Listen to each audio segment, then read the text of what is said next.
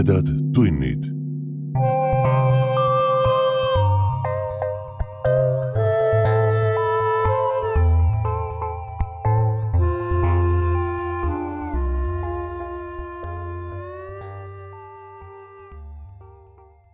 tere, hea ulmesõber! sa hakkad kuulama õudus- ja ulmejutu vestmispodcasti Tumedad tunnid viiekümne seitsmendat osa. mina olen saatejuht Priit Öövel. Ilma pikema sissejuhatuseta jätkame sealt, kus me mõnes mõttes üleeile pooleli jäime. ma loen teile Indrek Hargla müstilise loo Veneetsia peeglite mõistatus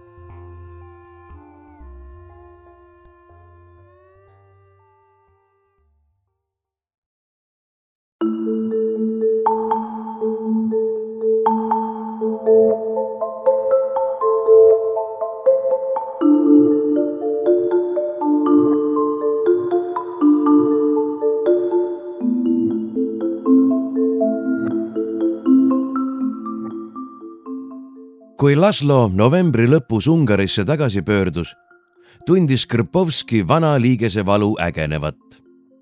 ta konsulteeris oma hea sõbra doktor Bogdanovskiga ja ostis tehnika viimase sõna järgi konstrueeritud ratastooli.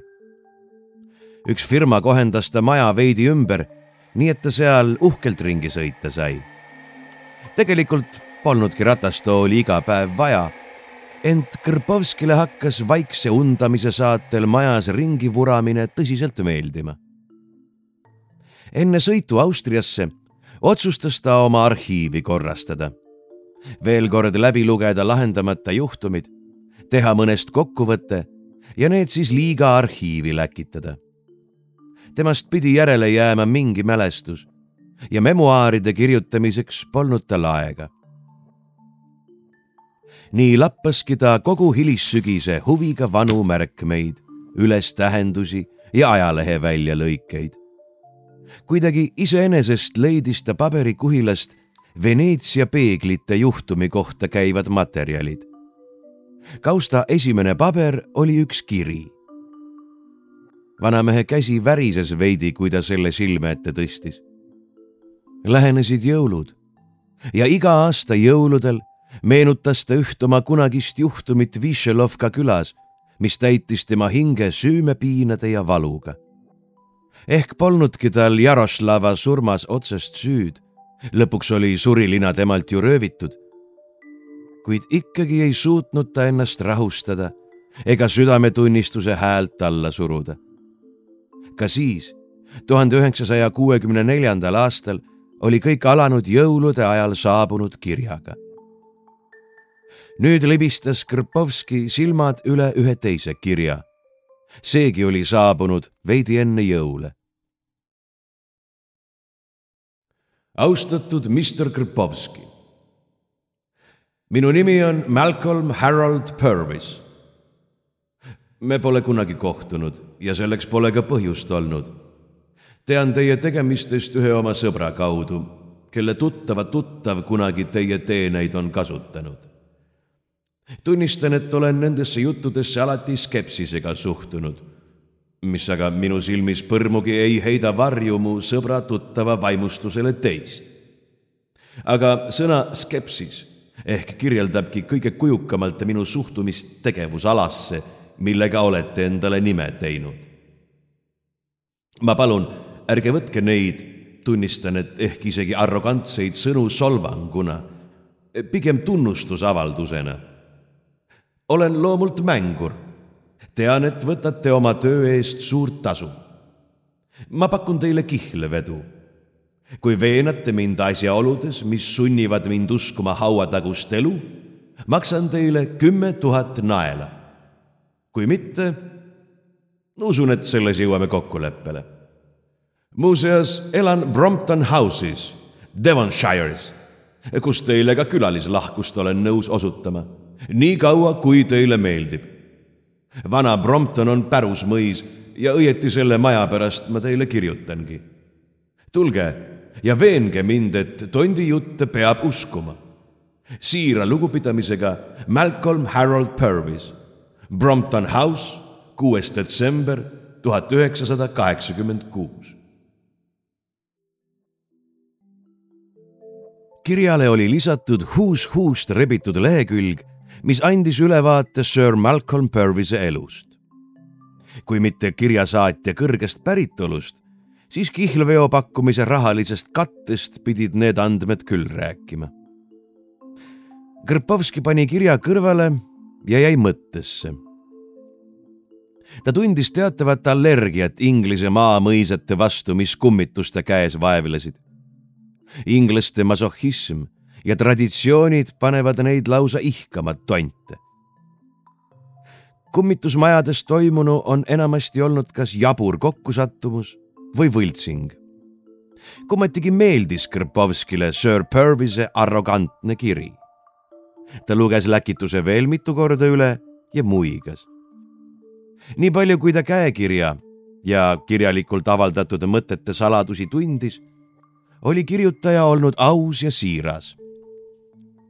Sir Purvis oli osavalt laveerinud inglasliku viisakuse ja otsekohesuse vahel ta oli kirja pannud täpselt nii palju kui vaja. nii palju, et Krpovskit huvituma panna. ka eksortsistid on mängurid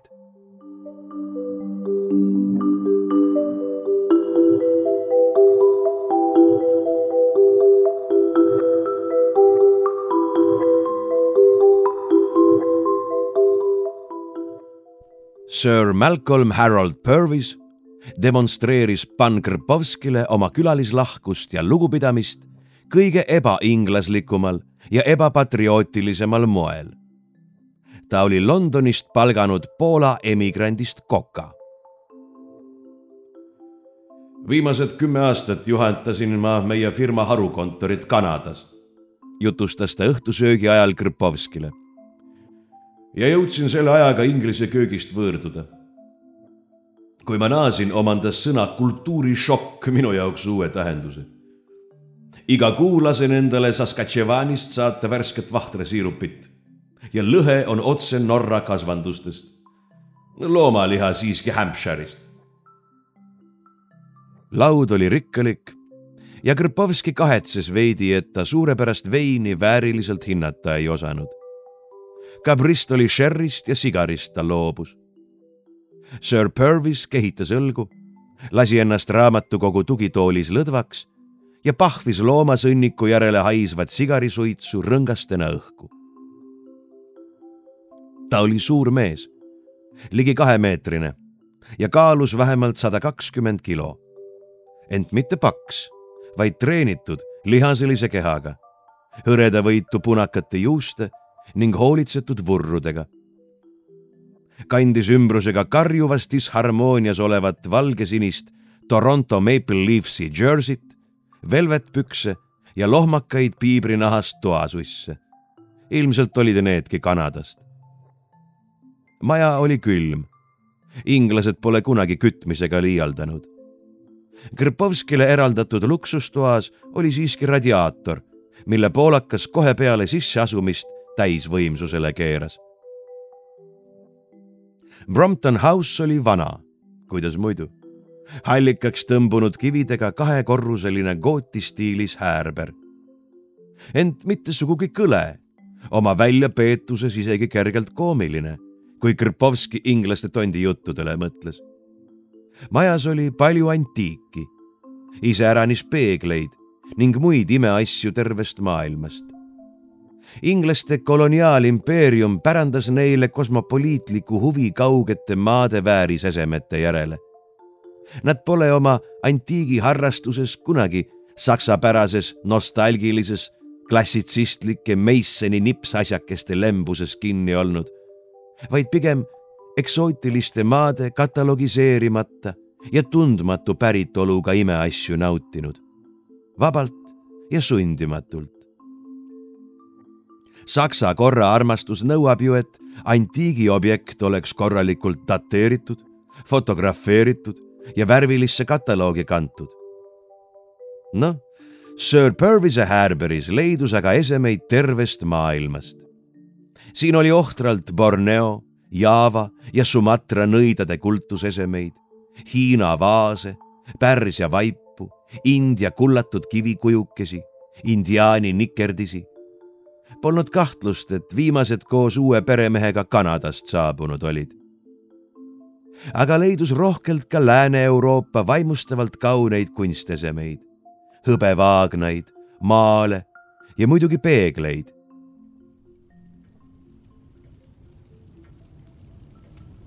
niisiis, nad olid õhtustanud ja istusid nüüd raamatukogus. akna taga valitses Inglise detsembriõhtu. Kott pime, sombune, tibutav, tuuline ja tülgastav. massiivne kamin ajas tossu sisse ja pani Krpovskil pea valutama. aga ta ei protesteerinud, sest teadis, et kõik Inglise kaminad on sellised ja vingune riietus kuulub nii-öelda mängu juurde.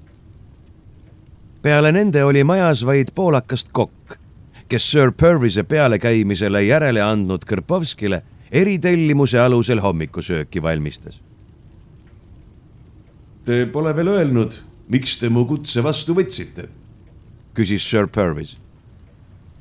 õhtusöögil ja pärastlõunal, mil Krpovski saabunud oli rääkisid nad tõepoolest ainult ilmast, kokakunstist, Jaapani luulest ning Kanada börsi naeruväärsetest harjumustest. viimastest oli õigupoolest ainult peremees rääkinud ja Krpovski mõistvalt noogutanud.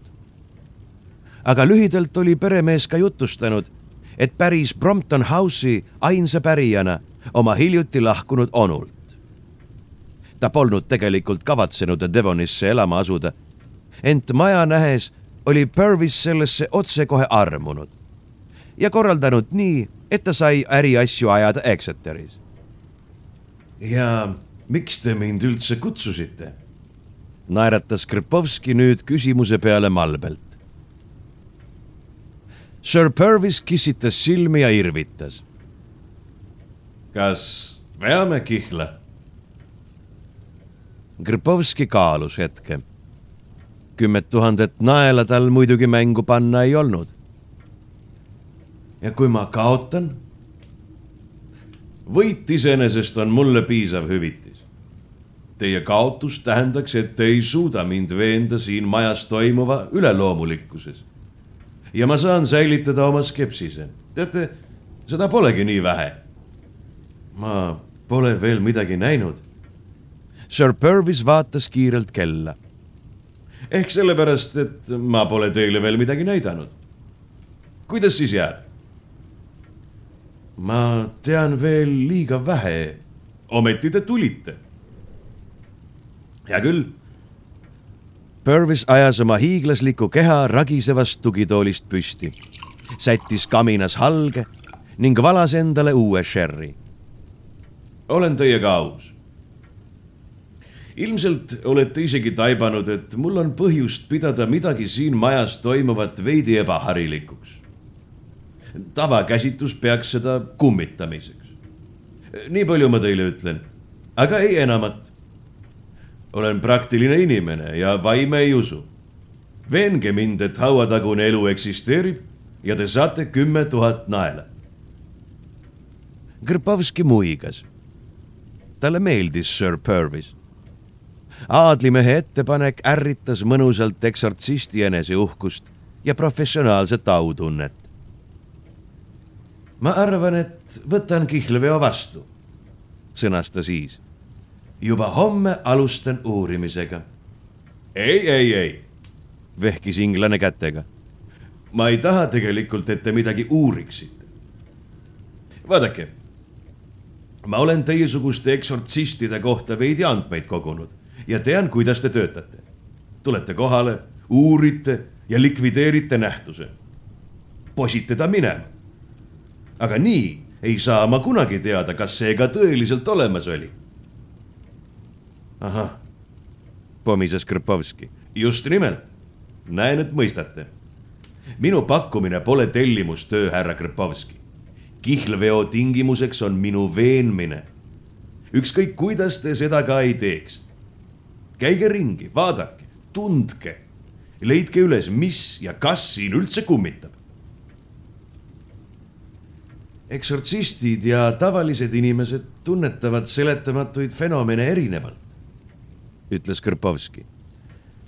hauatagust elu, nagu suvatsesite väljenduda, on raske tõestada. õigupoolest on selles veendumiseks vaid üks meetod. aga te püüdke, naeratas Purvis. kümme tuhat naela on siiski suur summa. selle ühe meetodiga ma ei kiirustaks. aga tema naeratus polnud kuigi lõbus. hästi, noogutas Krpovski ma püüan. ja nad lõid käed. kihlvedu oli sõlmitud. lähteandmed? küsis Krpovski lühidalt. kõik on teie käsutuses. käige ringi, kuulake, vaadake, küsitlege teenrit. ega onu William mulle ka midagi enne surma rääkinud. tundsite te oma onu hästi? ma mäletasin teda lapsepõlvest surma ja pärimisteade jõudsid minuni Torontos. Nad soovisid teineteisele head ööd. enne kui eksortsist oma tuppa eraldus, küsis ta siiski inglase käest. Öelge mulle vaid ühte asja. kas te kardate? Purvis peatus uksel. aeglaselt pööras ta ennast ümber ma olen kohtunud Kanada laanes ihuüksi suure karuga. püssi ei olnud, ainult jahinuga. kas te kardate? kordas Krpovski vaikselt küsimust. seda tahaksin ma ise ka teada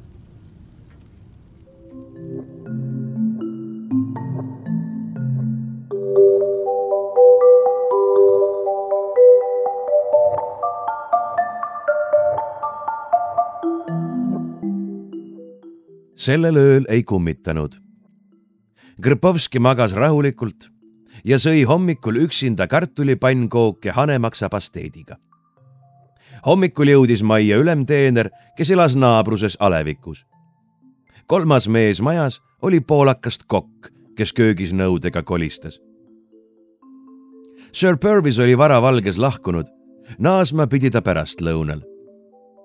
ülemteener, kelle nimi oli Krpovski ei suutnud kohtumisel muiet tagasi hoida, Butler osutus süngevõitu ja tõredaks vibalikuks, kõveralõugseks, kiilaspäiseks mehikeseks.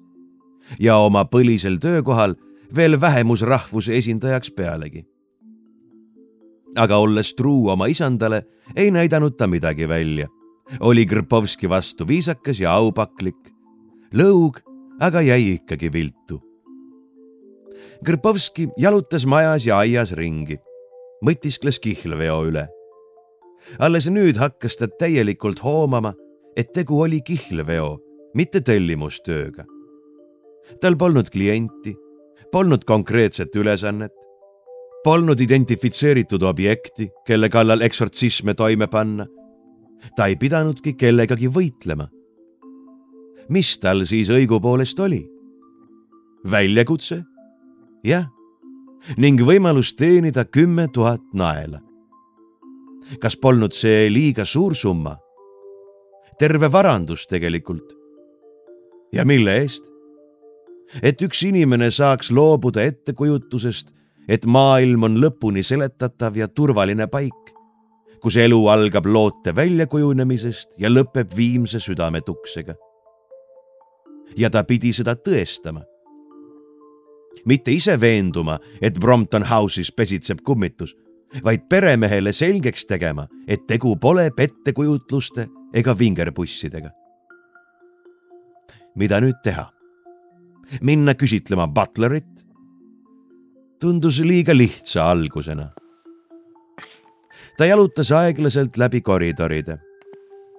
Grpovskist võis jääda mulje kui huvilisest turistist kes peremehe kunstiväärtusi ja antiikesemeid imetleb.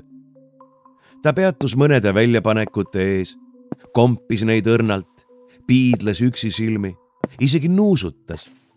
kõik tema meeled olid pingul.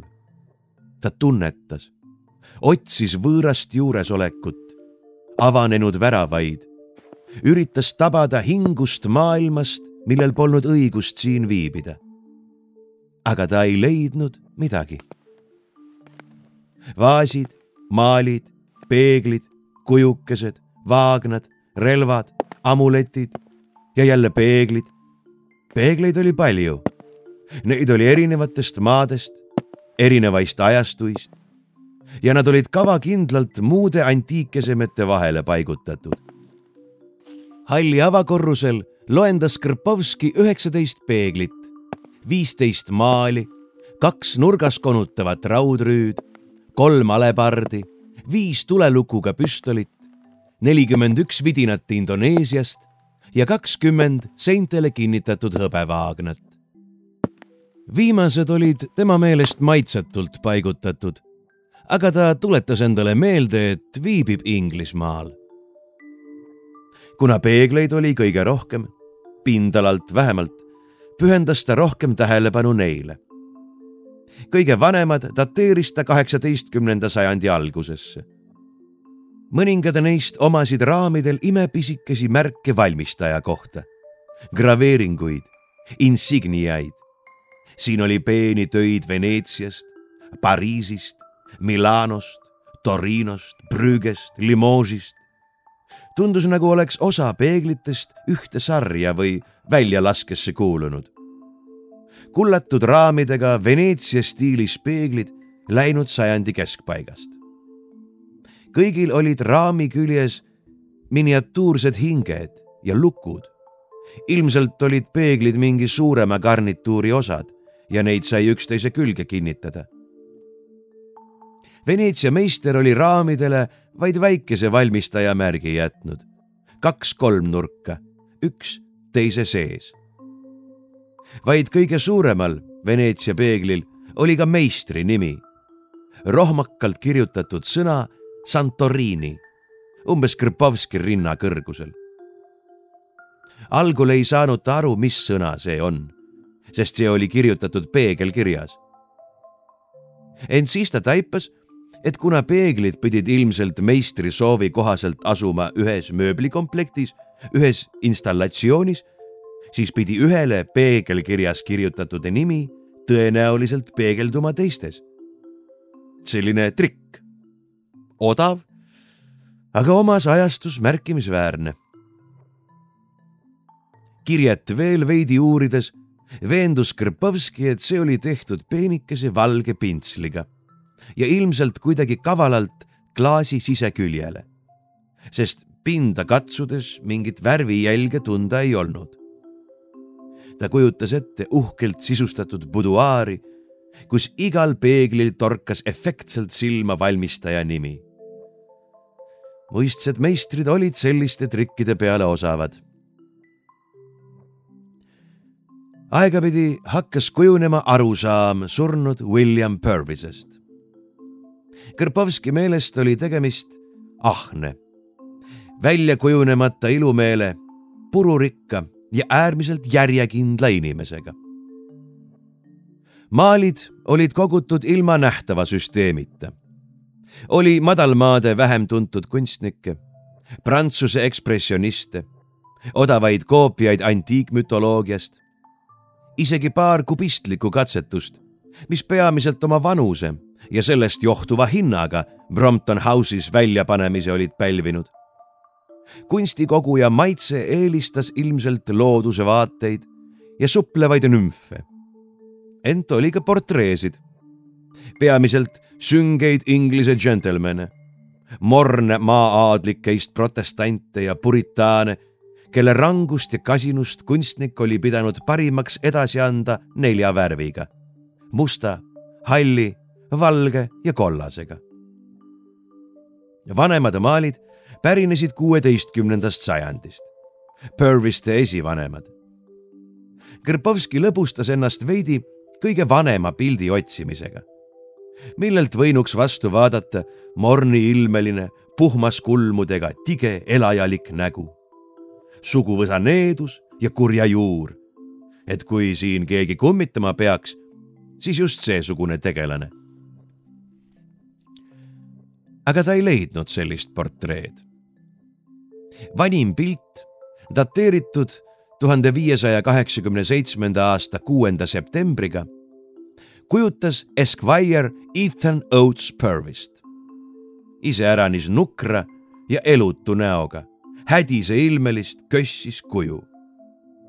kurjamiks ta nagu ei sobinud.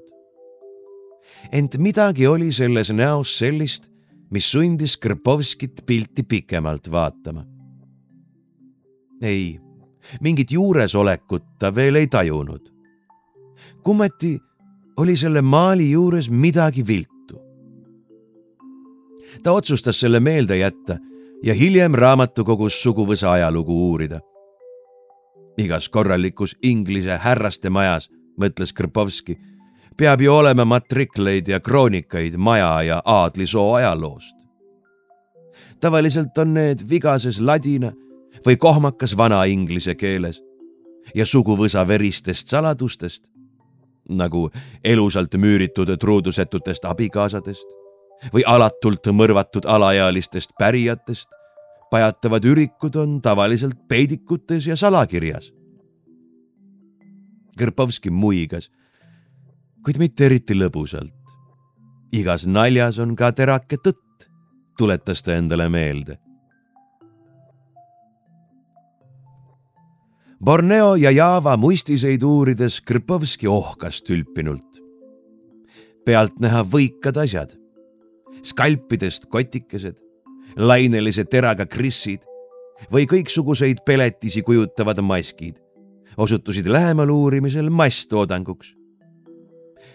kummati vanaks. juba sada aastat tagasi jagasid taibukad pärismaalased ära, milliseid suveniire inglased ja hollandlased kõige rohkem ihkavad ja selliseid nad ka said. džunglites hakkasid töökojad autentset etnograafilist kaupa meisterdama.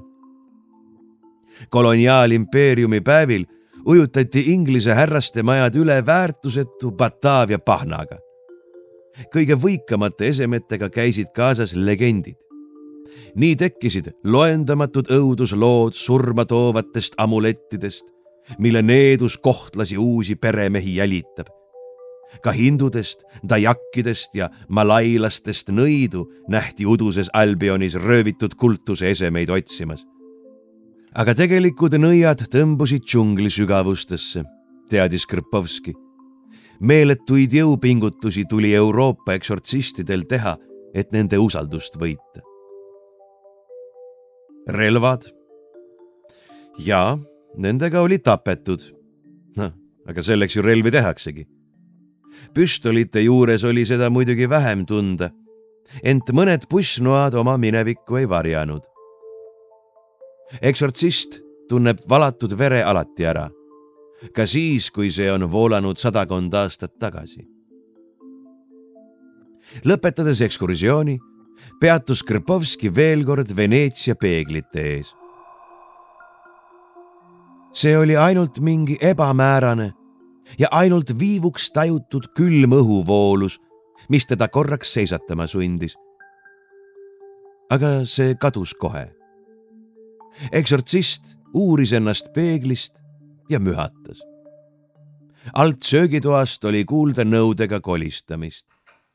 Krpovski vaatas üle rinnatise alla ja nägi butlerit lauda katmas.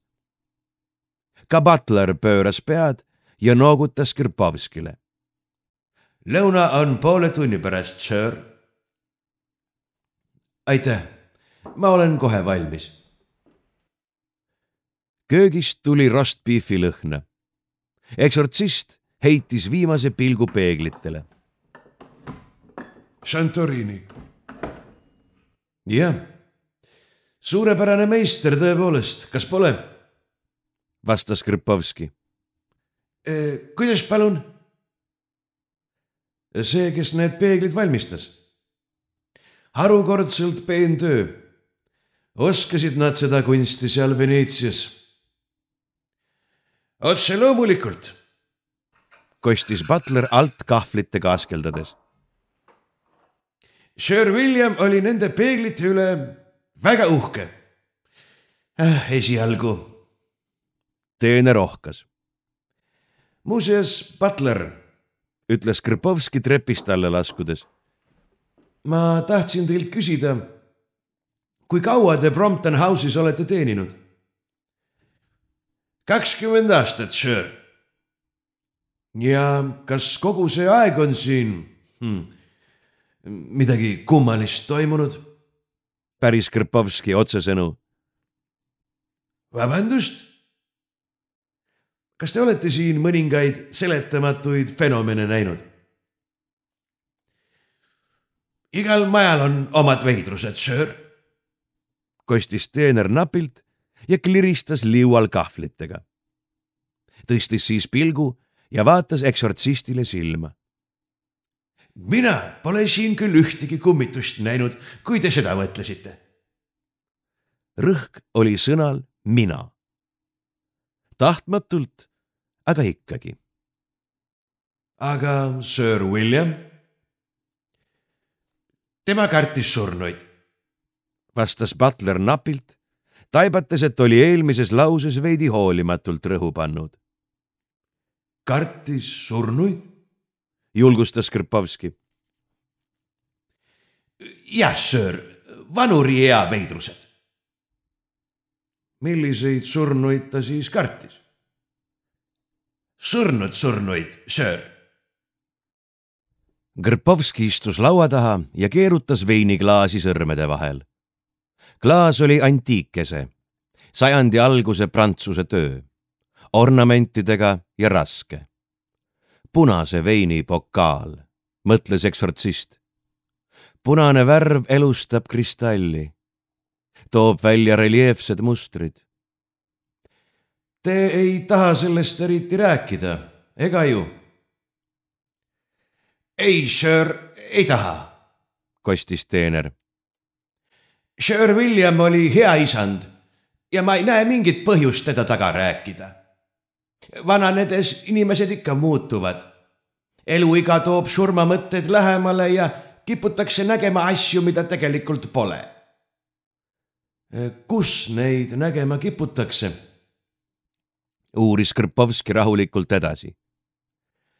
seal, kus neid tegelikult pole, sir et siis vaime ikkagi on või? no mina pole neid näinud, vastas Butler. kas te eelistate roast beef'i Worcesteri pruunikastmega või lillkapsaga? sõnas Krpovski, püüdes kinni köögist tuleva lõhna. Mul keelas arst Worcesteri kastme söömise ära, vabandas ta. kui Butler saigi aru, et poolakas valetas siis ei näidanud ta seda välja. hiljem sai Krpovski teada, et teenri tõreduse üheks põhjuseks oli ka kahe mehe vahel köögis puhkenud sõnelus. Londonist palgatud Poola kokk oli nõudnud oma õigust rostbeefi kõrvale hautatud lillkapsast ning rõõskkoore ja punase veini kastet valmistada. Butler teatas solvunult et aegade algusest on selles majas rostbeefi kõrvale Worcesteri kastet söödud. kokk ütles seepeale, mida ta Worcesteri kastmest arvab. lisas ka ilmselt paar märkust maja kohta, mis õilsat loomaliha sedaviisi aegade algusest on väärtarvitanud. Butler kraamis välja Brompton House'i kokaraamatu, kus olid kirjas kunagiste härraste lemmikretseptid kokk aga näitas ette oma töövõtulepingu ja osundas selliste sätete puudumisele, mis sunniksid halva maitsega inimeste toiduretsepte kasutama. tüli lõppes sellega, et Butler tõi oma isiklikest varudest pudelikese tehases valmistatud Worcesteri sousti ja valas selle kastmenõusse ümber. et kui härrad soovivad, peab neil olema võimalus loomaliha vääriliselt maitsestada, kuulutas ta kokale aga sellel, kui Butler Krpovskiga hauataguse elu võimalikkuse üle mõtteid vahetas, oli keegi nurjatu kastmenõu tühjaks valanud ja sinna poolenaelase mündi asetanud. Krpovski sõi neitsilikult pehmet loomaliha ja nautis selle kõrvale hõrgumaitselist koorekastet. enne sööma asumist oli ta siiski Butleri käest küsinud, kas Sir Malcolm nendega ei ühinegi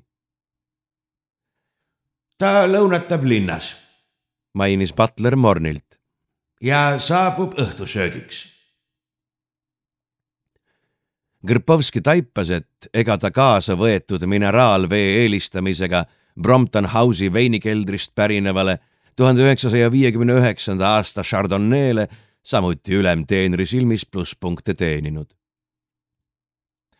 Kas ma serveerin sherryt raamatukogus, söör? küsis Butler, kui Krpovski oli üksinduses lõunasöögi lõpetanud. tegelikult ma ei, alustas Krpovski, kuid mõtles siis kiiresti ümber. jah, muidugi, see oleks teist väga kena, mu sõber loomulikult ei leidnud ta ühtegi ürikut, mis Brompton House'i kummitustest oleks pajatanud. õieti jõudis ta mitmetunnise töö tulemusena alles teoreetiliselt huvipakkuvad raamatud välja otsida. Sir William Purvise järjekindlus oli ka raamatukogusse ulatunud. kõik oli süstematiseeritud ja hoolikalt katalogiseeritud. Malcolm Purvis saabus seitsme paiku ja tervitas Krpovskit joviaalselt. Ja millised on teie edusammud? Pole veel eriti suured, tõdes eksortsist. ma olen ainult kindlaks teinud, et kõik selle maja asukad kinnitavad, nemad tondi jutte ei usu. no, seda uskmatust te ju piditegi kõigutama, muigas Sir Malcolm. aga tema silmad ei naernud.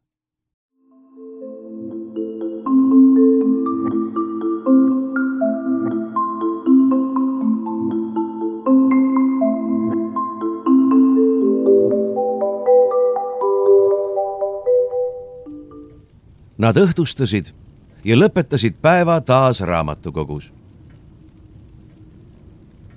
kas me võiksime ehk siiski mõnele meid mõlemaid huvitavale küsimusele veidi solidaarsemalt ja koostöövalmimalt läheneda? küsis Krpovski peale Sir Malcolmil teist sigarit ja kolmandat sherry klaasi ma arvan, et oleks aus, kui te mind oma tähelepanekute pinnalt küsitleksite, vastas peremees. ikkagi kihlvedu. ja ma ei tahaks teid nii-öelda ninapidi faktide juurde vedada. nii et siis ikkagi on fakte. küsige. Krpovski libistas käega üle tolmuste raamatute ma olen kuulnud, et teie onu, Sir William, kartis surnuid. Purvis jõi klaasi tühjaks, enne kui vastas. ma ei tundnud oma onu. ta pole mulle iialgi rääkinud, mida ta kartis. aga tema testamendis oli üks veider klausel. ja nimelt. ta tuli matta kinnises kirstus ma ei teadnudki, et Inglismaal surnuid lahtiselt maetakse. väga naljakas. mühatas Purvis ja süütas kiiresti kolmanda sigari. andestust, ma ei mõelnud, et jaa, mõistan. ta ei soovinud, et ärasaatmistseremoonial Brompton House'is oleks tema kirst avatud.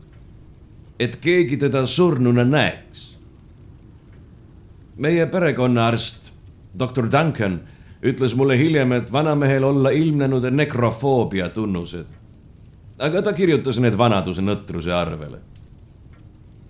nekrofoobia, paaniline hirm surnute ees. Krpovskile ei meenunud, et see haruharva esinev haigus oleks kunagi surmajärgsetes soovides kajastamist leidnud. ega te ei tea, millest selline soov võis tingitud olla ei, kostis Purvis napilt. vaikis siis hetke ja lisas otse kui vabandavalt. tõesti ei tea. ma ei küsitlenud doktor Duncanit selle üle pikemalt. aga Butlerit? ei tedagi. ma ei meeldi sellele vanale kuivikule eriti. mitte, et ta minusse kuidagi ebaväärikalt suhtuks või midagi, muidugi mitte. see on lihtsalt elupõlise ja vanasse isandasse kiindunud teenri vimm uue vastu. üsna loomulik nähtus, läheb üle. ja kui ei lähe, siis. Purvis lasi sõrme nipsu. Inglismaa on korralikke ülemteenreid täis.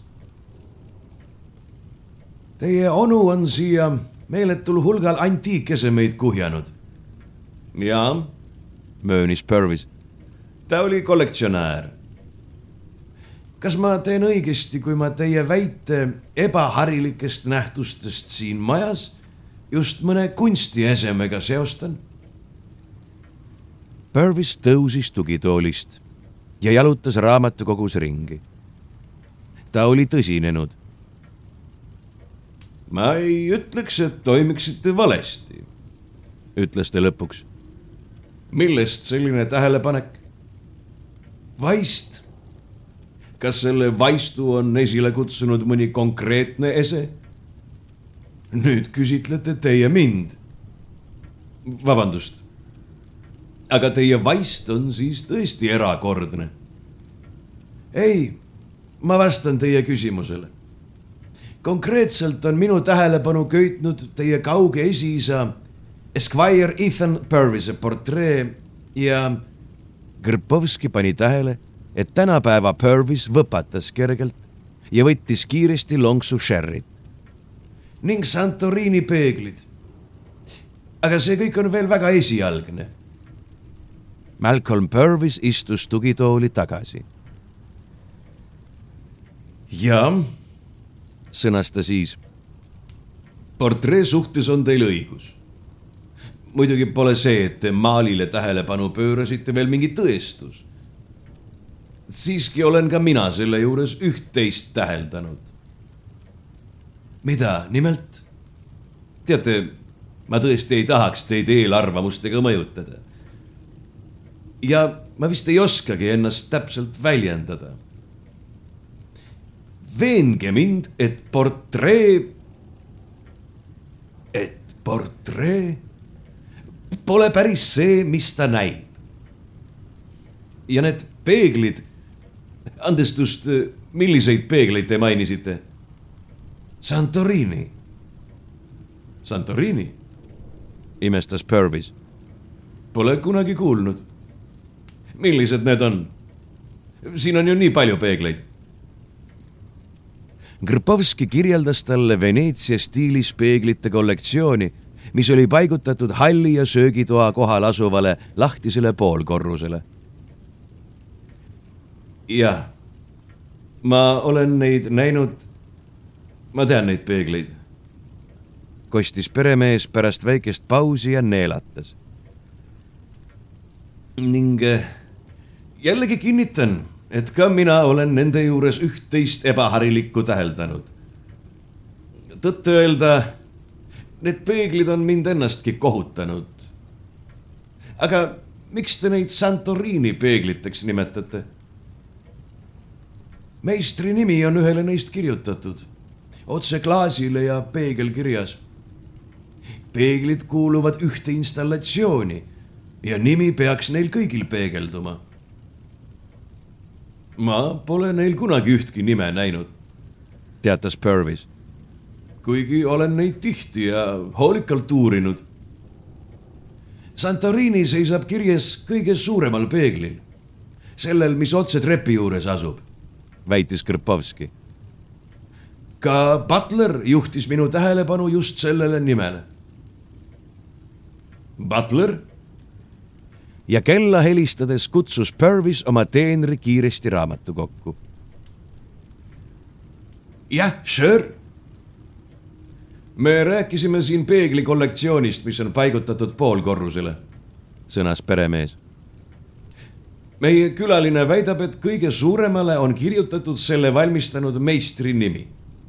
olete te seda märganud? Grpovski nägi, kuidas kuivatu ülemteenri nägu kahvatas ja käed kergelt värisema hakkasid. Kas peetakse silmas peeglit, kus Sir William? jaa, lõikas Purvis mõnevõrra läbematult. sedasama, Butler, vastake, kas te olete näinud seal nime? ta vehkis käega, üritades võõrapärast nime meenutada. Santorini aitas Krpovski teda. ja, Santorini, kas olete Butler? ei, sir, ühtegi nime sellel peeglil ei ole. see on peegelkirjas kirjutatud, sekkus Krpovski uuesti. valge värvi ja peenikese pintsliga. mitte päris silmade kõrgusel, veidi madalamal. ma pole kunagi näinud ega kuulnud Santorini nime. Sure, ütles Butler vaikselt ja kahvatas veelgi märgatavamalt. Seda pole mitte ühelgi peeglil. kuulge, mis jutt see siis on? ägestus Kõrpovski. kui ma neid peegleid uurisin, ütlesite mulle, et lõuna on poole tunni pärast. jah, nii see oli, Sir.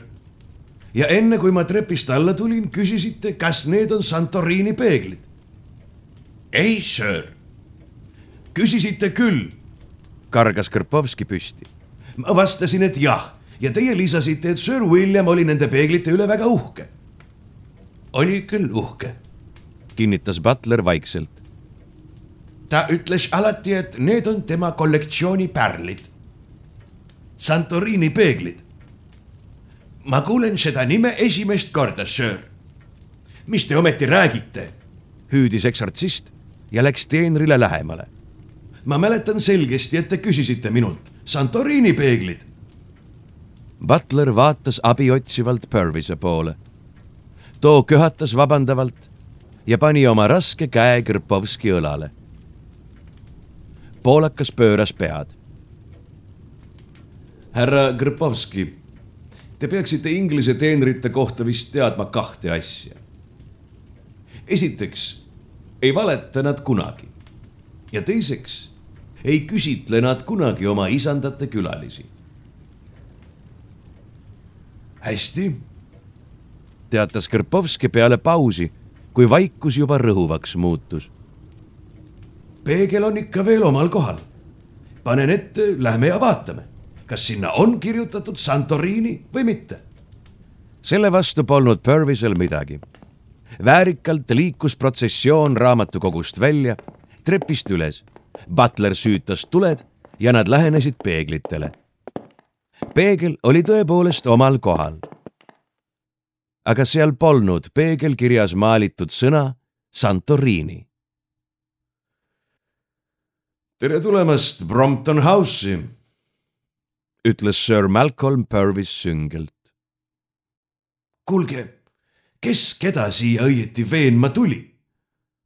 pomises Krpovski tigedalt vastuseks.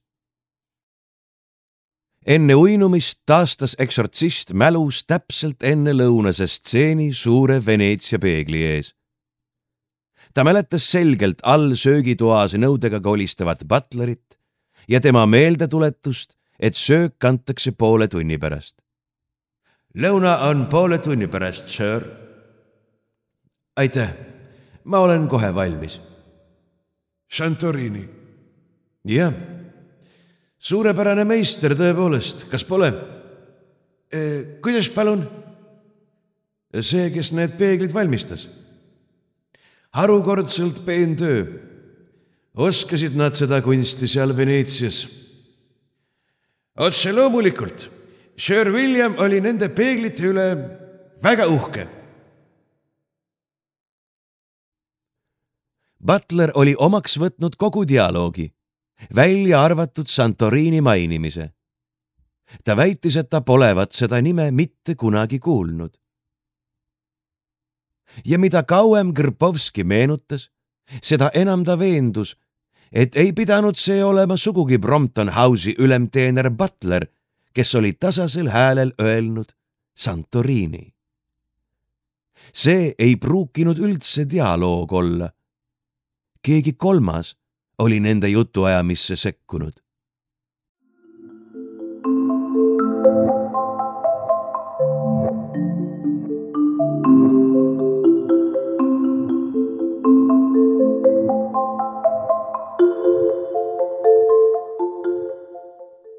ka teisel ööl ei kummitanud. Krpovski magas ülihästi. tundis end hommikul täielikult väljapuhanuna ahmis isuga munaputru peekoni ja šampinjonidega, jõi kannutäie kohvi ning sõi kaks tulimagusat kringlit.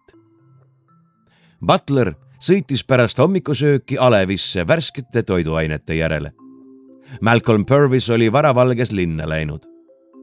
kui kokka mitte arvestada, oli Krpovski üksi ja suundus peale söömist jälle peeglite juurde. Ei märkigi peegelkirjas Santorinist. viivuks mõtles ta, kas temagi vanadusest nõdraks ei hakka jääma. ei Sir Malcolm ega Butler polnud seda nime kunagi kuulnud. peegel oli puhas. ometi oli Krpovski seda nime kuulnud ja näinud ta ei saanud seda lihtsalt õhust võtta. ta polnud Santorinit välja mõelnud. Kõige hämmastavam oli, kuidas sai keegi pintsliga maalitud nime kustutada, kui värv oli kantud klaasi siseküljele. Krpovski keskendus peegli ees, silus kätega läbi juuste ja valmistus lugema retriiver loitsu. tal oli ju selleks ometi õigus peremehe veenmine kõigi võimalike vahenditega ei välistanud ametioskuste kasutamist. Pooletunnine menetlus peegli juures ei andnud tulemusi. raamatu kokku, kuhu mujale? enne lahkumist heitis Krpovski jonnakale peeglile viimase pilgu. ta nägi seal enda õnnetut kujutist kössis vanameest, kelle põsel oli ebameeldiv ristikujuline arm.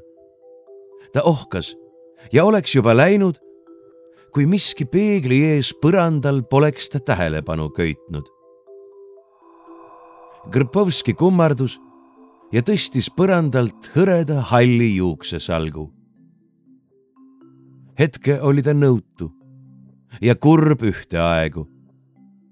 ka tema on vana eksortsisti elu oli pannud ta enneaegselt vananema. enne kuuekümnest juubelit pudeneb tal peast halle juukseid. Ta surus juuksesalgu taskusse. Poleks ilus seda siia vedelema jätta. mõtlikult ohates suundus Krpovski raamatukokku. pikema otsimise järel leidis ta kataloogi, kuhu surnud Sir William oli hoolikalt sisse kandnud oma kunstiesemed märkinud üles kohad, kust need olid ostetud, hinnad, kaubitsejad. Andmestik oli viidetega seostatud taieste ja teoste kohta käiva kirjandusega. Krpovski veetis mõned tunnid antiiksete peeglite tausta uurimisega. lõpuks tegi ta kindlaks, et kõnealused kuusteist peeglit oli valmistanud Veneetsia meister Armando Busconi tuhande kaheksasaja kahekümne esimesel aastal Sir William polnud neid siiski komplektina ostnud, vaid pikemat aega erinevatele oksjonitel ja laatadel taga ajanud. kollektsiooni lõplikuks hinnaks kujunes kuus tuhat naela. ja viimased peeglid olid õnneliku juhuse läbi hangitud Sotheby'st, vaid kaks aastat enne Sir Williami surma. aga tegemist polnud õigupoolest mitte ühte ruumi mõeldud peeglikomplektiga vaid kuueteistkümnest kokku monteeritavast peeglist koosneva üksusega. Kaval meister oli ehitanud peeglitest kapi või kabiini, mille sees olijale pidi avanema müstiline peegelpiltide kaskaad lõpmatusse. arvete ja kataloogide juurde oli rauga käekirjaga kritseldatud. vaata Paolo Conti. Alcuni eventi bizarri che non possono essere spiegati ratsionale. Torino tuhat kaheksasada üheksakümmend kaks. surnud mehe näpunäidete järgi asus Krpovski viidatud raamatut riiulist otsima, ent ei leidnud seda. küll aga köitsid tema tähelepanu kaks uut itaalia-inglise sõnaraamatut. Need asusid teiste itaaliakeelsete raamatute riiulil ja värske ilmumisaasta lasi arvata, et nad on raamatukokku jõudnud vaid mõned kuud enne Sir Williami surma. Konti raamatut Krpovski ei leidnudki. küll aga pudenes sõnaraamatu vahelt välja paar paberilehte. sinna oli kritseldatud itaaliakeelseid sõnu koos inglise vastetega. Polnud kahtlust, et itaalia keel Sir Williamile täiesti tundmatu oli sest ka kõik sidesõnad ja lihtsamate omadussõnade vasted olid välja kirjutatud. Krpovski pidi lõpuks tõdema, et sellest polnud talle abi. ilmselt ei jõudnud William Purvis tõlget lõpetada. Krpovski ootas, kuni Butler tagasi tuli ja küsis temalt, kas ta ehk teab midagi Paolo Conti raamatust. kõik raamatud on raamatukogus või kabinetis kostis teener õlgu kehitades. Kabinetis, teisel korrusel, Sir Williami enda ruumides. ma juhatan teid sinna. selgus, et Malcolm Purvis ei kasutanudki eriti neid ruume, kus tema onu oli elanud, vaid eelistas lääne tiiba, kus ta ka ümberehitusi planeeris. Sir Williami kabinetis oli samuti palju raamatuid ent Kõrpovskit huvitavat Paolo Conti teost mitte küll aga leidis eksortsist ühe vanema itaalia-inglise taskusõnastiku ja veel ühe peeglite ehitust ja ajalugu puudutava teose. kumbki raamat polnud riiulis, vaid laualaekas, ühe vana ja kulunud paruka peal. sõnastikus oli rohkesti sõnu alla kriipsutatud ja äärtele soditud. Krpovski võttis selle kaasa. mööda koridori jalutades peatus ta taas Ethan Purvise portree ees. jah, kindlasti polnud see hädine, kössis mehike suguvõsa needusega kurja juur. ometi olid nii tema, Krpovski kui ka Malcolm Purvis tajunud, et midagi on portree juures valesti.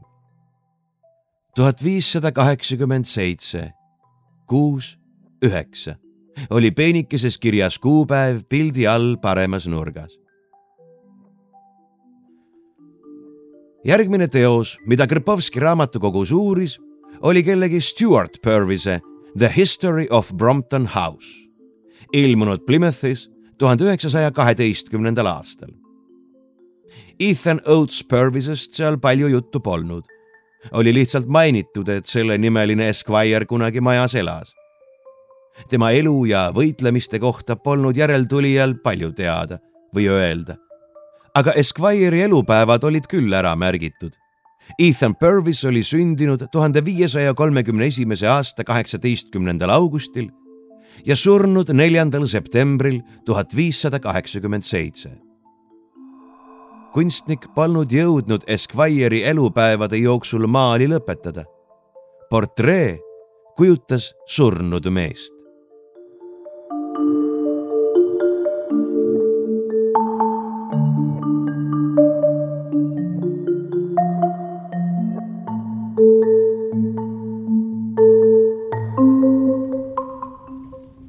Malcolm Purvis oli teinud päeval paar telefonikõnet ja palunud doktor Duncani õhtusöögile. arst osutus umbes Krpovski vanuseks lõbusaks napsitajaks, kes kõike kaks portsu sõi ja Poola kokka taevani ülistas, mis muidugi pani Butleri paar korda mühatama. eksortsist pani tähele, kuidas Sir Malcolm vestlust osavalt suunas nii et see ikka maja endise peremehe ja tema surma juurde tagasi jõudis. inglased on selles suhtes teistsugused, mõtles Krpovski. Nad ei pelga surnu majas surnust rääkida, viskavad sinna juurde naljagi ning suhtuvad paratamatusse üldse kuidagi vabamalt. aga Malcolmi huvi oma kadunud onu vastu paistis muidugi välja ja Krpovski taipas, et doktorit sugugi mitte ainult tema enda pärast külla polnud palutud.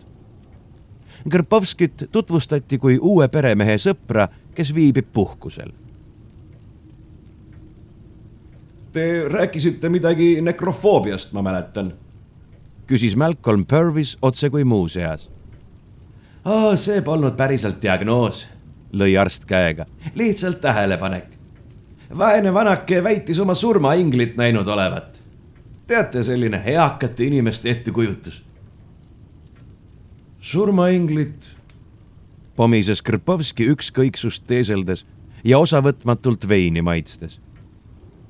no ja teate, on legend, et enne surma võib inimene näha teda teise maailma juhatavat inglit. see oleks nagu märk peatselt saabuvast surmast, seletas arst õhinal loll ebausk tegelikult. ja sellest kujuneski nekrofoobia.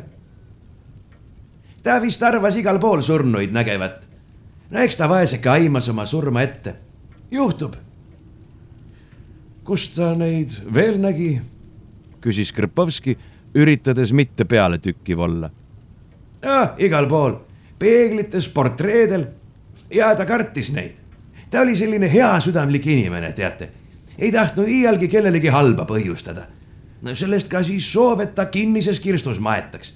et keegi ei peaks surnu nägemise pärast ebamugavust või hirmu tundma.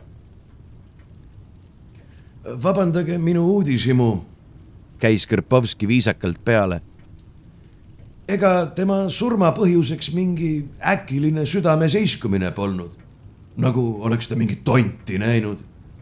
ah ei, ei, ei, naeris doktor Duncan, muidugi mitte see polnud Charles Baskervilli äkksurma taoline lahkumine, millest minu kolleeg Sir Arthur Conan Doyle kirjutas, kui te seda silmas peate. lihtsalt tema aeg sai otsa. süda lakkas aeglaselt tuksumast.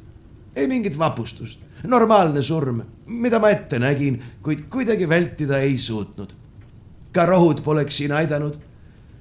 Sir William suri kõige kõrgema armust piinadeta ja rahus nii et neil surmaingleil oli siiski õigus. doktor vastas pika tiraadiga, mille mõte oli lühidalt selles, et inimene on võimeline oma surma ette aimama, kui ta sellele piisavalt tähelepanu pöörab. organid kuluvad ja väsivad, kuidagi saab sellest ka aju teadlikuks. on tavaline, et peagi surev inimene helistab näiteks ilma nähtava põhjuseta läbi kõik oma tuttavad ainult selleks, et nendega tühjast täiest lobisedes hüvasti jätta. ja surmainglid olla lihtsalt pettekujutlus, mis kaasas käib.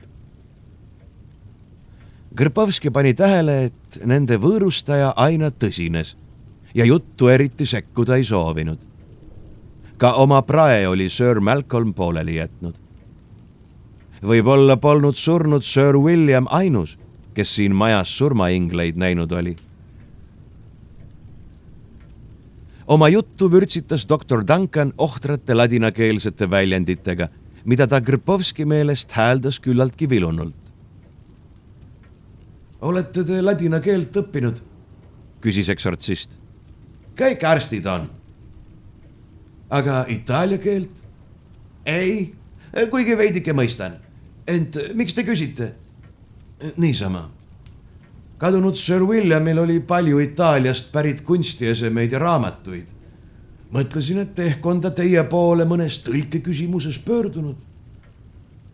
naljakas, ütles arst ja kratsis kukalt. Eh, nüüd, kus te seda mainisite, tuli mulle meelde, et Sir William tõepoolest palus minu abi ühe itaaliakeelse teksti tõlkimisel.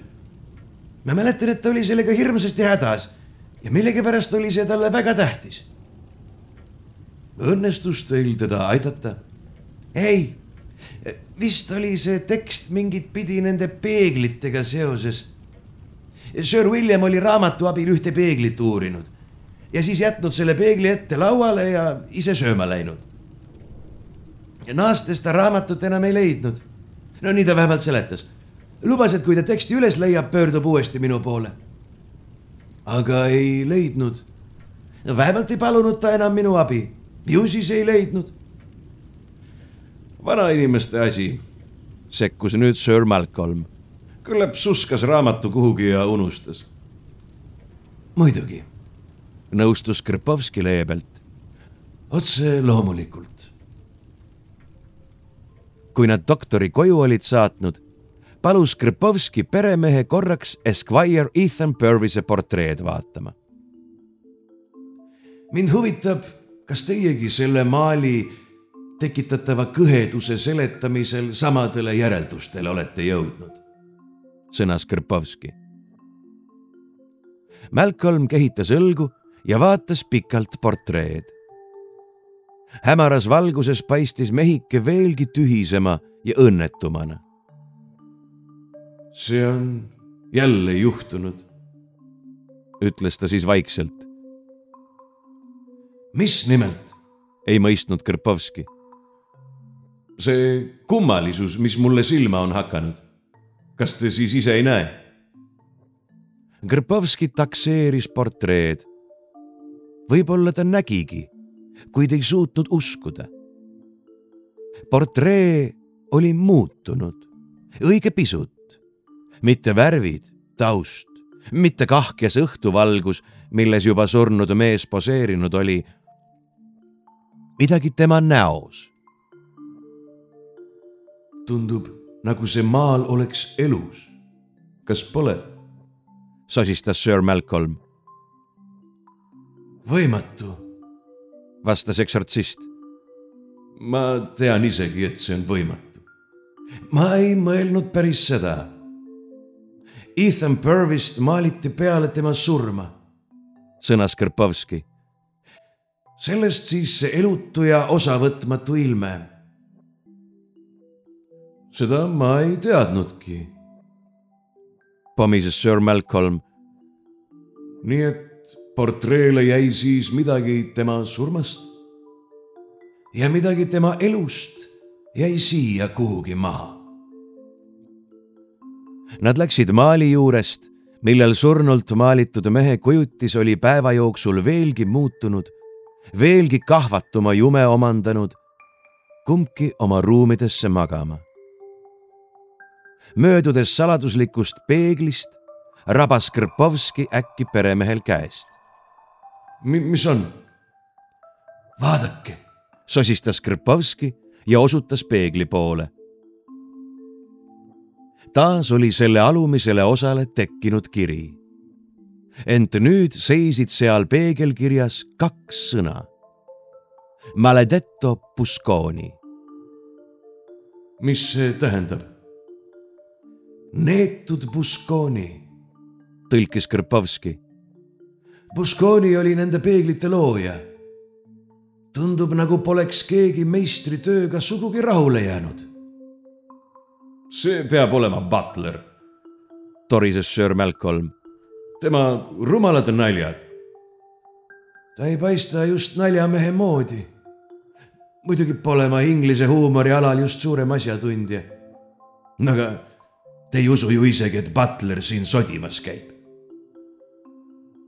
Sir Malcolm keeras peeglile selja ja astus paar sammu oma tubade poole. ma peaksin nad maha müüma, ohkas ta. Kuid mälestus onust ei lase seda teha.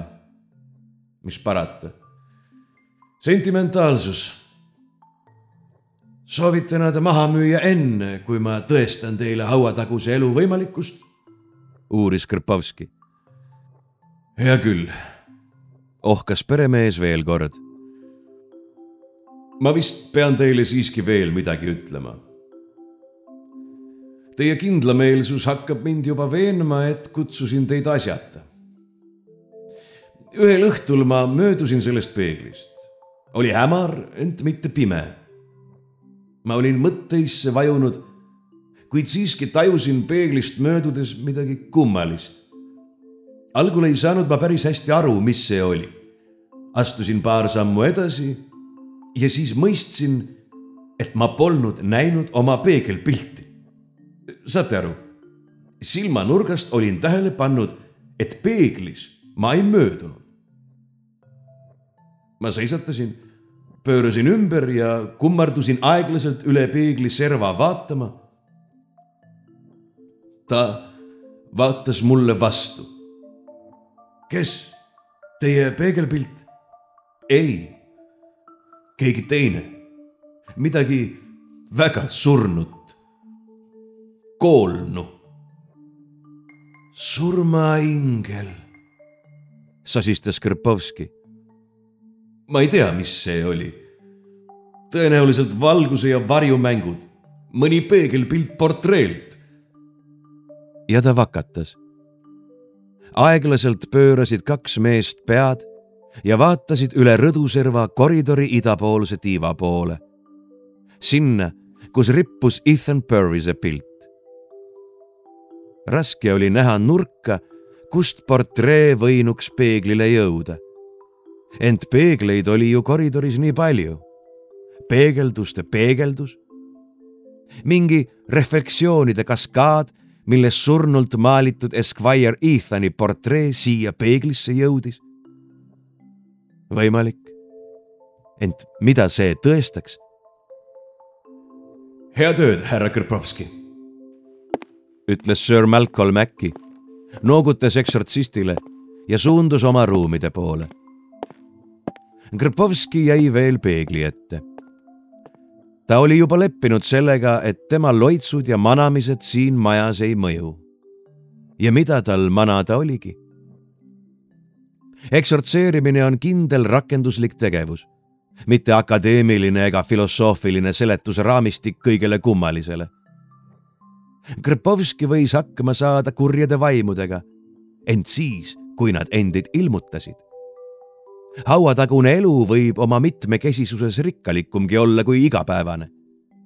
Krpovski ülesanne polnud mitte mõistatuslike ilmingute tagasitõrjumine sinna, kust nad olid tulnud, vaid kangekaelsele peremehele selle tõestamine, mida too niigi teadis. ka ei pidanud Krpovski midagi lahendama või põhjusi, seoseid ja tagajärgi otsima. kui ta neid aimaski, võis ta nad enda teada jätta kas või näiteks õrnad aimdused selle kohta, miks Ethan Oates Purvise nägu portreel muutus, miks ta üha enam omandas tõesti surnud mehe välimust, miks tema silmad rohkem auku vajusid ja juuksed peast välja langesid. Varsti võib portreele tekkida tõepoolest koolnu, mõtles Krpovski. ent ta polnud võimeline seletama, miks ta lohistas endale tooli ja istus peegli ette. nurgas tiksus vana seinakell. maja oli vaikne. eksortsist istus ja vaatas peeglisse, kuni tema enda lohutu kuju peegelpilt ta surmani ära tüütas. Tunnid möödusid, ent midagi ei juhtunud. uni tikkus silma, pea vajus rinnale kell kaks öösel ta virgus ja otsustas magama minna. kiri peeglil oli endiselt alles. Krpovski silmitses seda hetke, ühmas siis midagi ja korraliku inimesena hakkas tooli tagasi viima. kummardus ja sulepea kukkus tema rinnataskust kohutava, vaikust lõhestava mürtsatuse saatel põrandale. kui eksortsist seda üles võtma küünitles jäi talle pihku salk halle juukseid. kellegi peast olid need taas peegli ette põrandale pudenenud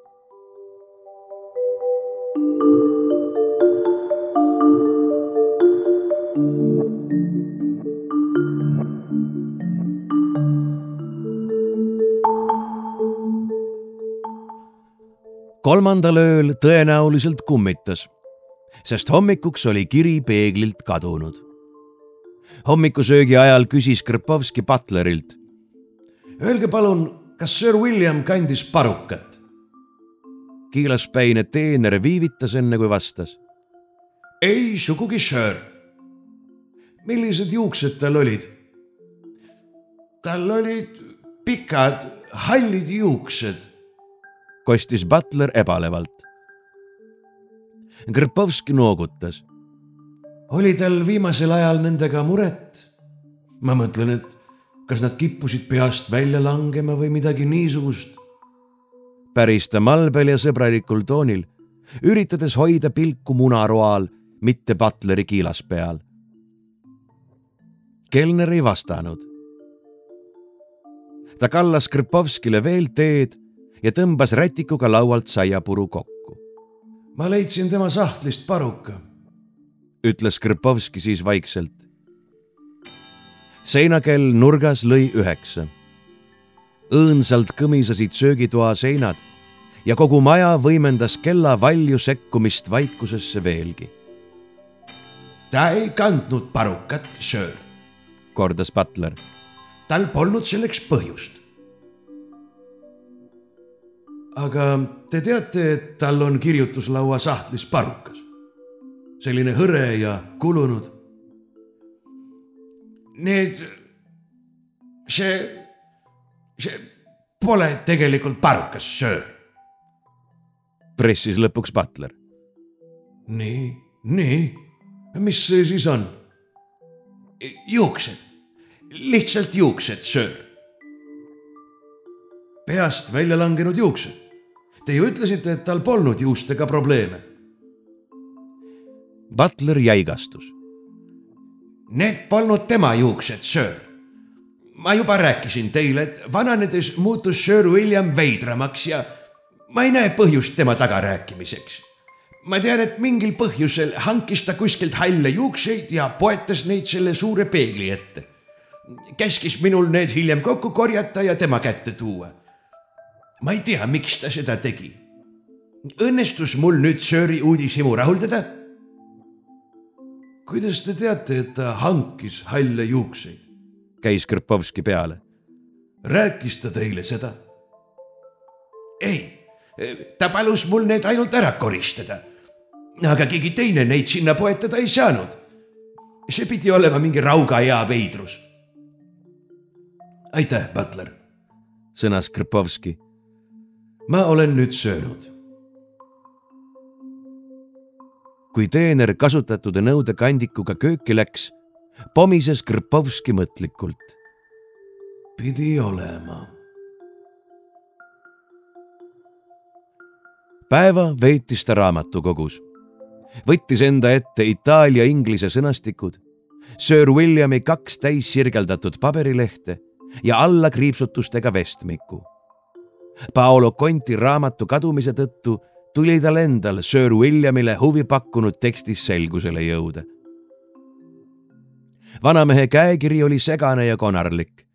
palju oli mahakriipsutusi ja kogunisti inglise keeles valesti kirjutatud sõnu kui kadunu oligi mingi tõlkemustandi kokku saanud, pidi see olema kohmakas ja ebaadekvaatne.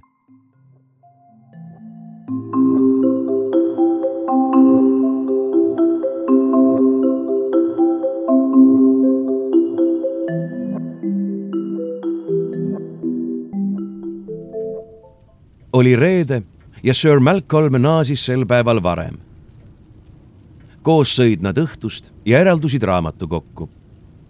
peale tunnikest seltskondlikku viisakusjuttu teatas Krpovski, et broneeriks endale pühapäevasele lennukile piletid.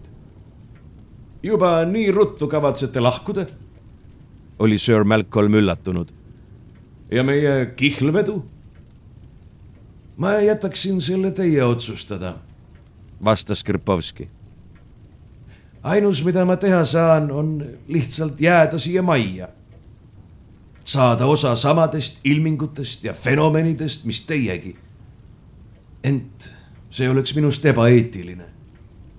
võib-olla oleksin ma pidanud kohe selle peale tulema, aga ratsionaalsele mõistusele ei saa ebaratsionaalset tõestada.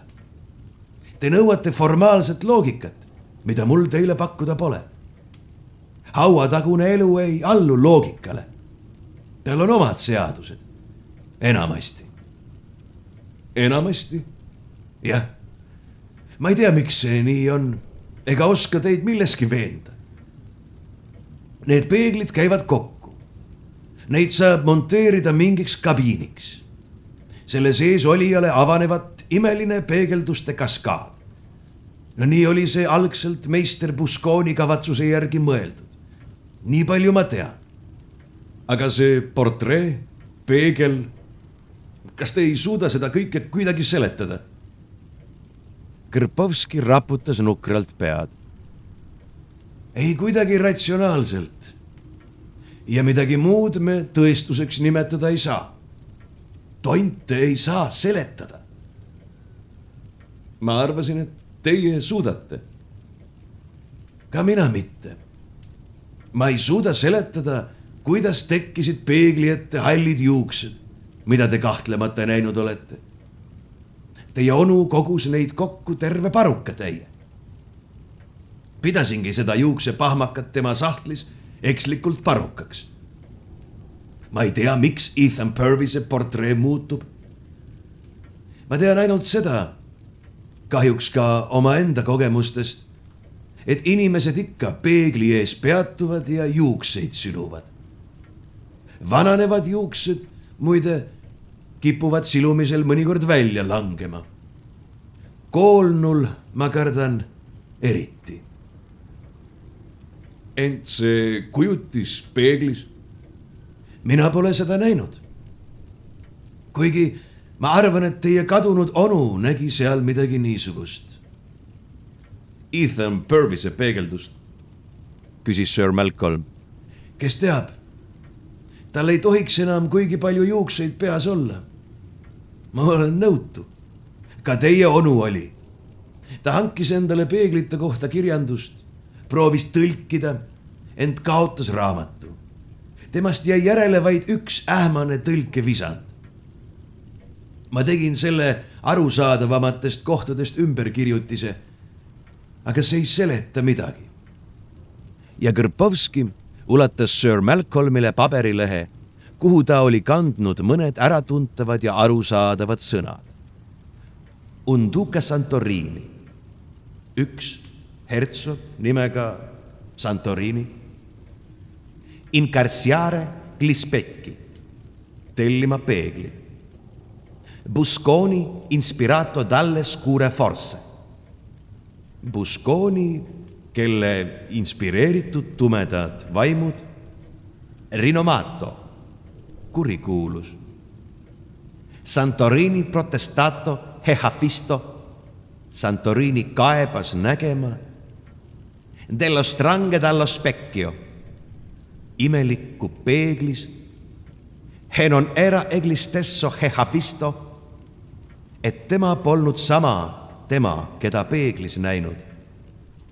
Ha entrato nella stanza con specchi, sisenenud peeglitega tuppa, sparito, kaduma. Nessuno lo ha visto mai ancora. ei keegi teda nägema kunagi. Venduto in parti differenti, eraldi osadena müüdud.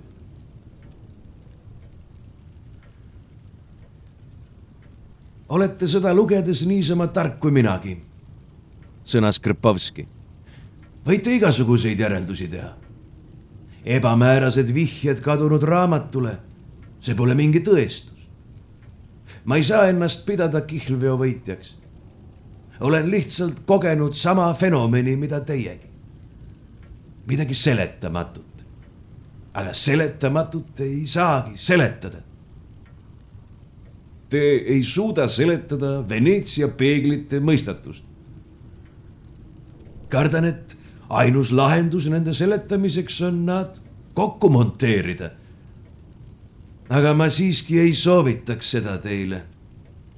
Te ju ometi nägite neid kirju peeglil, hüüatas Sir Malcolm. ah jaa, need. Grpovski kehitas õlgu ja läks raamatukapi juurde. avas selle massiivse tammepuuga raamitud klaasukse. ent ta ei võtnud kapist ühtegi raamatut, vaid tõmbas hoopis taskust jämeda otsaga valge viltpliiatsi. hetke seisis ta selg peremehe poole ja kirjutas midagi ukseklaasile. mida te seal teete? küsis Sir Malcolm hämmeldunult lihtsalt üks ebamäärane oletus. kas teile ei tundu, et omandades üha rohkem koolnu näoilmet, teie kauge esivanem muutub ka hoopis kellegi teise sarnaseks? kelle? Grpovski pani viltpliiatsi taskusse tagasi ja astus ukse eest ära. suure jämeda joonega seisis klaaspinnal kiri Santorini. ma ei mõista, ütles Sir Malcolm. see on nimi, mida te väitsite peeglil näinud olevat. Grpovski raputas pead. ma ei näinud seda nime niimoodi. me vaatame praegu seda pilti ja nimekuju, mis avaneb kirjutaja poole. mina nägin aga. ja eksortsist tõmbas ukse pärani lahti, nii et selle esikülg peaaegu vastu kappi puutus. peegelkirja, nii nagu see paistab teisele poole klaasi. Sir Malcolm kobas ehmunult šerriklaasi järele, ent ajas selle laualt maha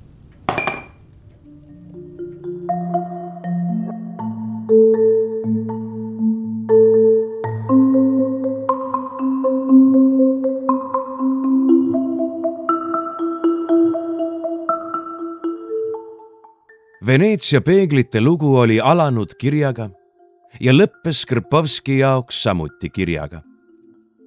enne jõule Inglismaalt lahkudes polnud ta Sir Malcolmi tšekki vastu võtnud. ta lihtsalt jättis oma võõrustajaga hüvasti ja lendas tagasi. ta ei osanud isegi endale kindlalt öelda, kas ta oli lüüa saanud või mitte. kolm aastat hiljem sai ta kirja advokaadifirmalt Lester, Goldstein ja Lester.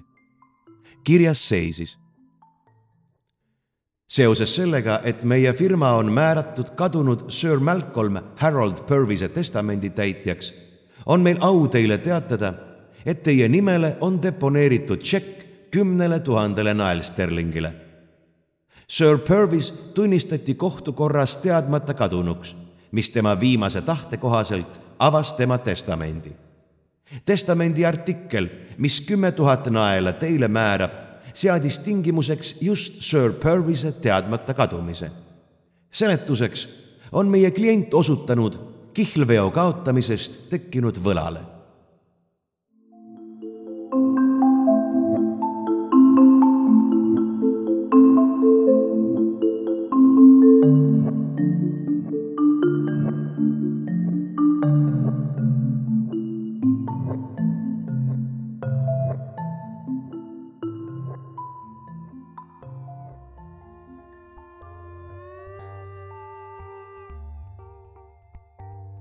Te kuulsite Indrek Hargla müstilist juttu Veneetsia peeglite mõistatus.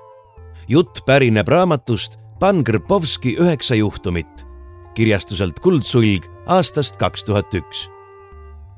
Te kohtute Pan Krpovskiga juba aasta pärast. aga meie teiega juba külmas veebruaris.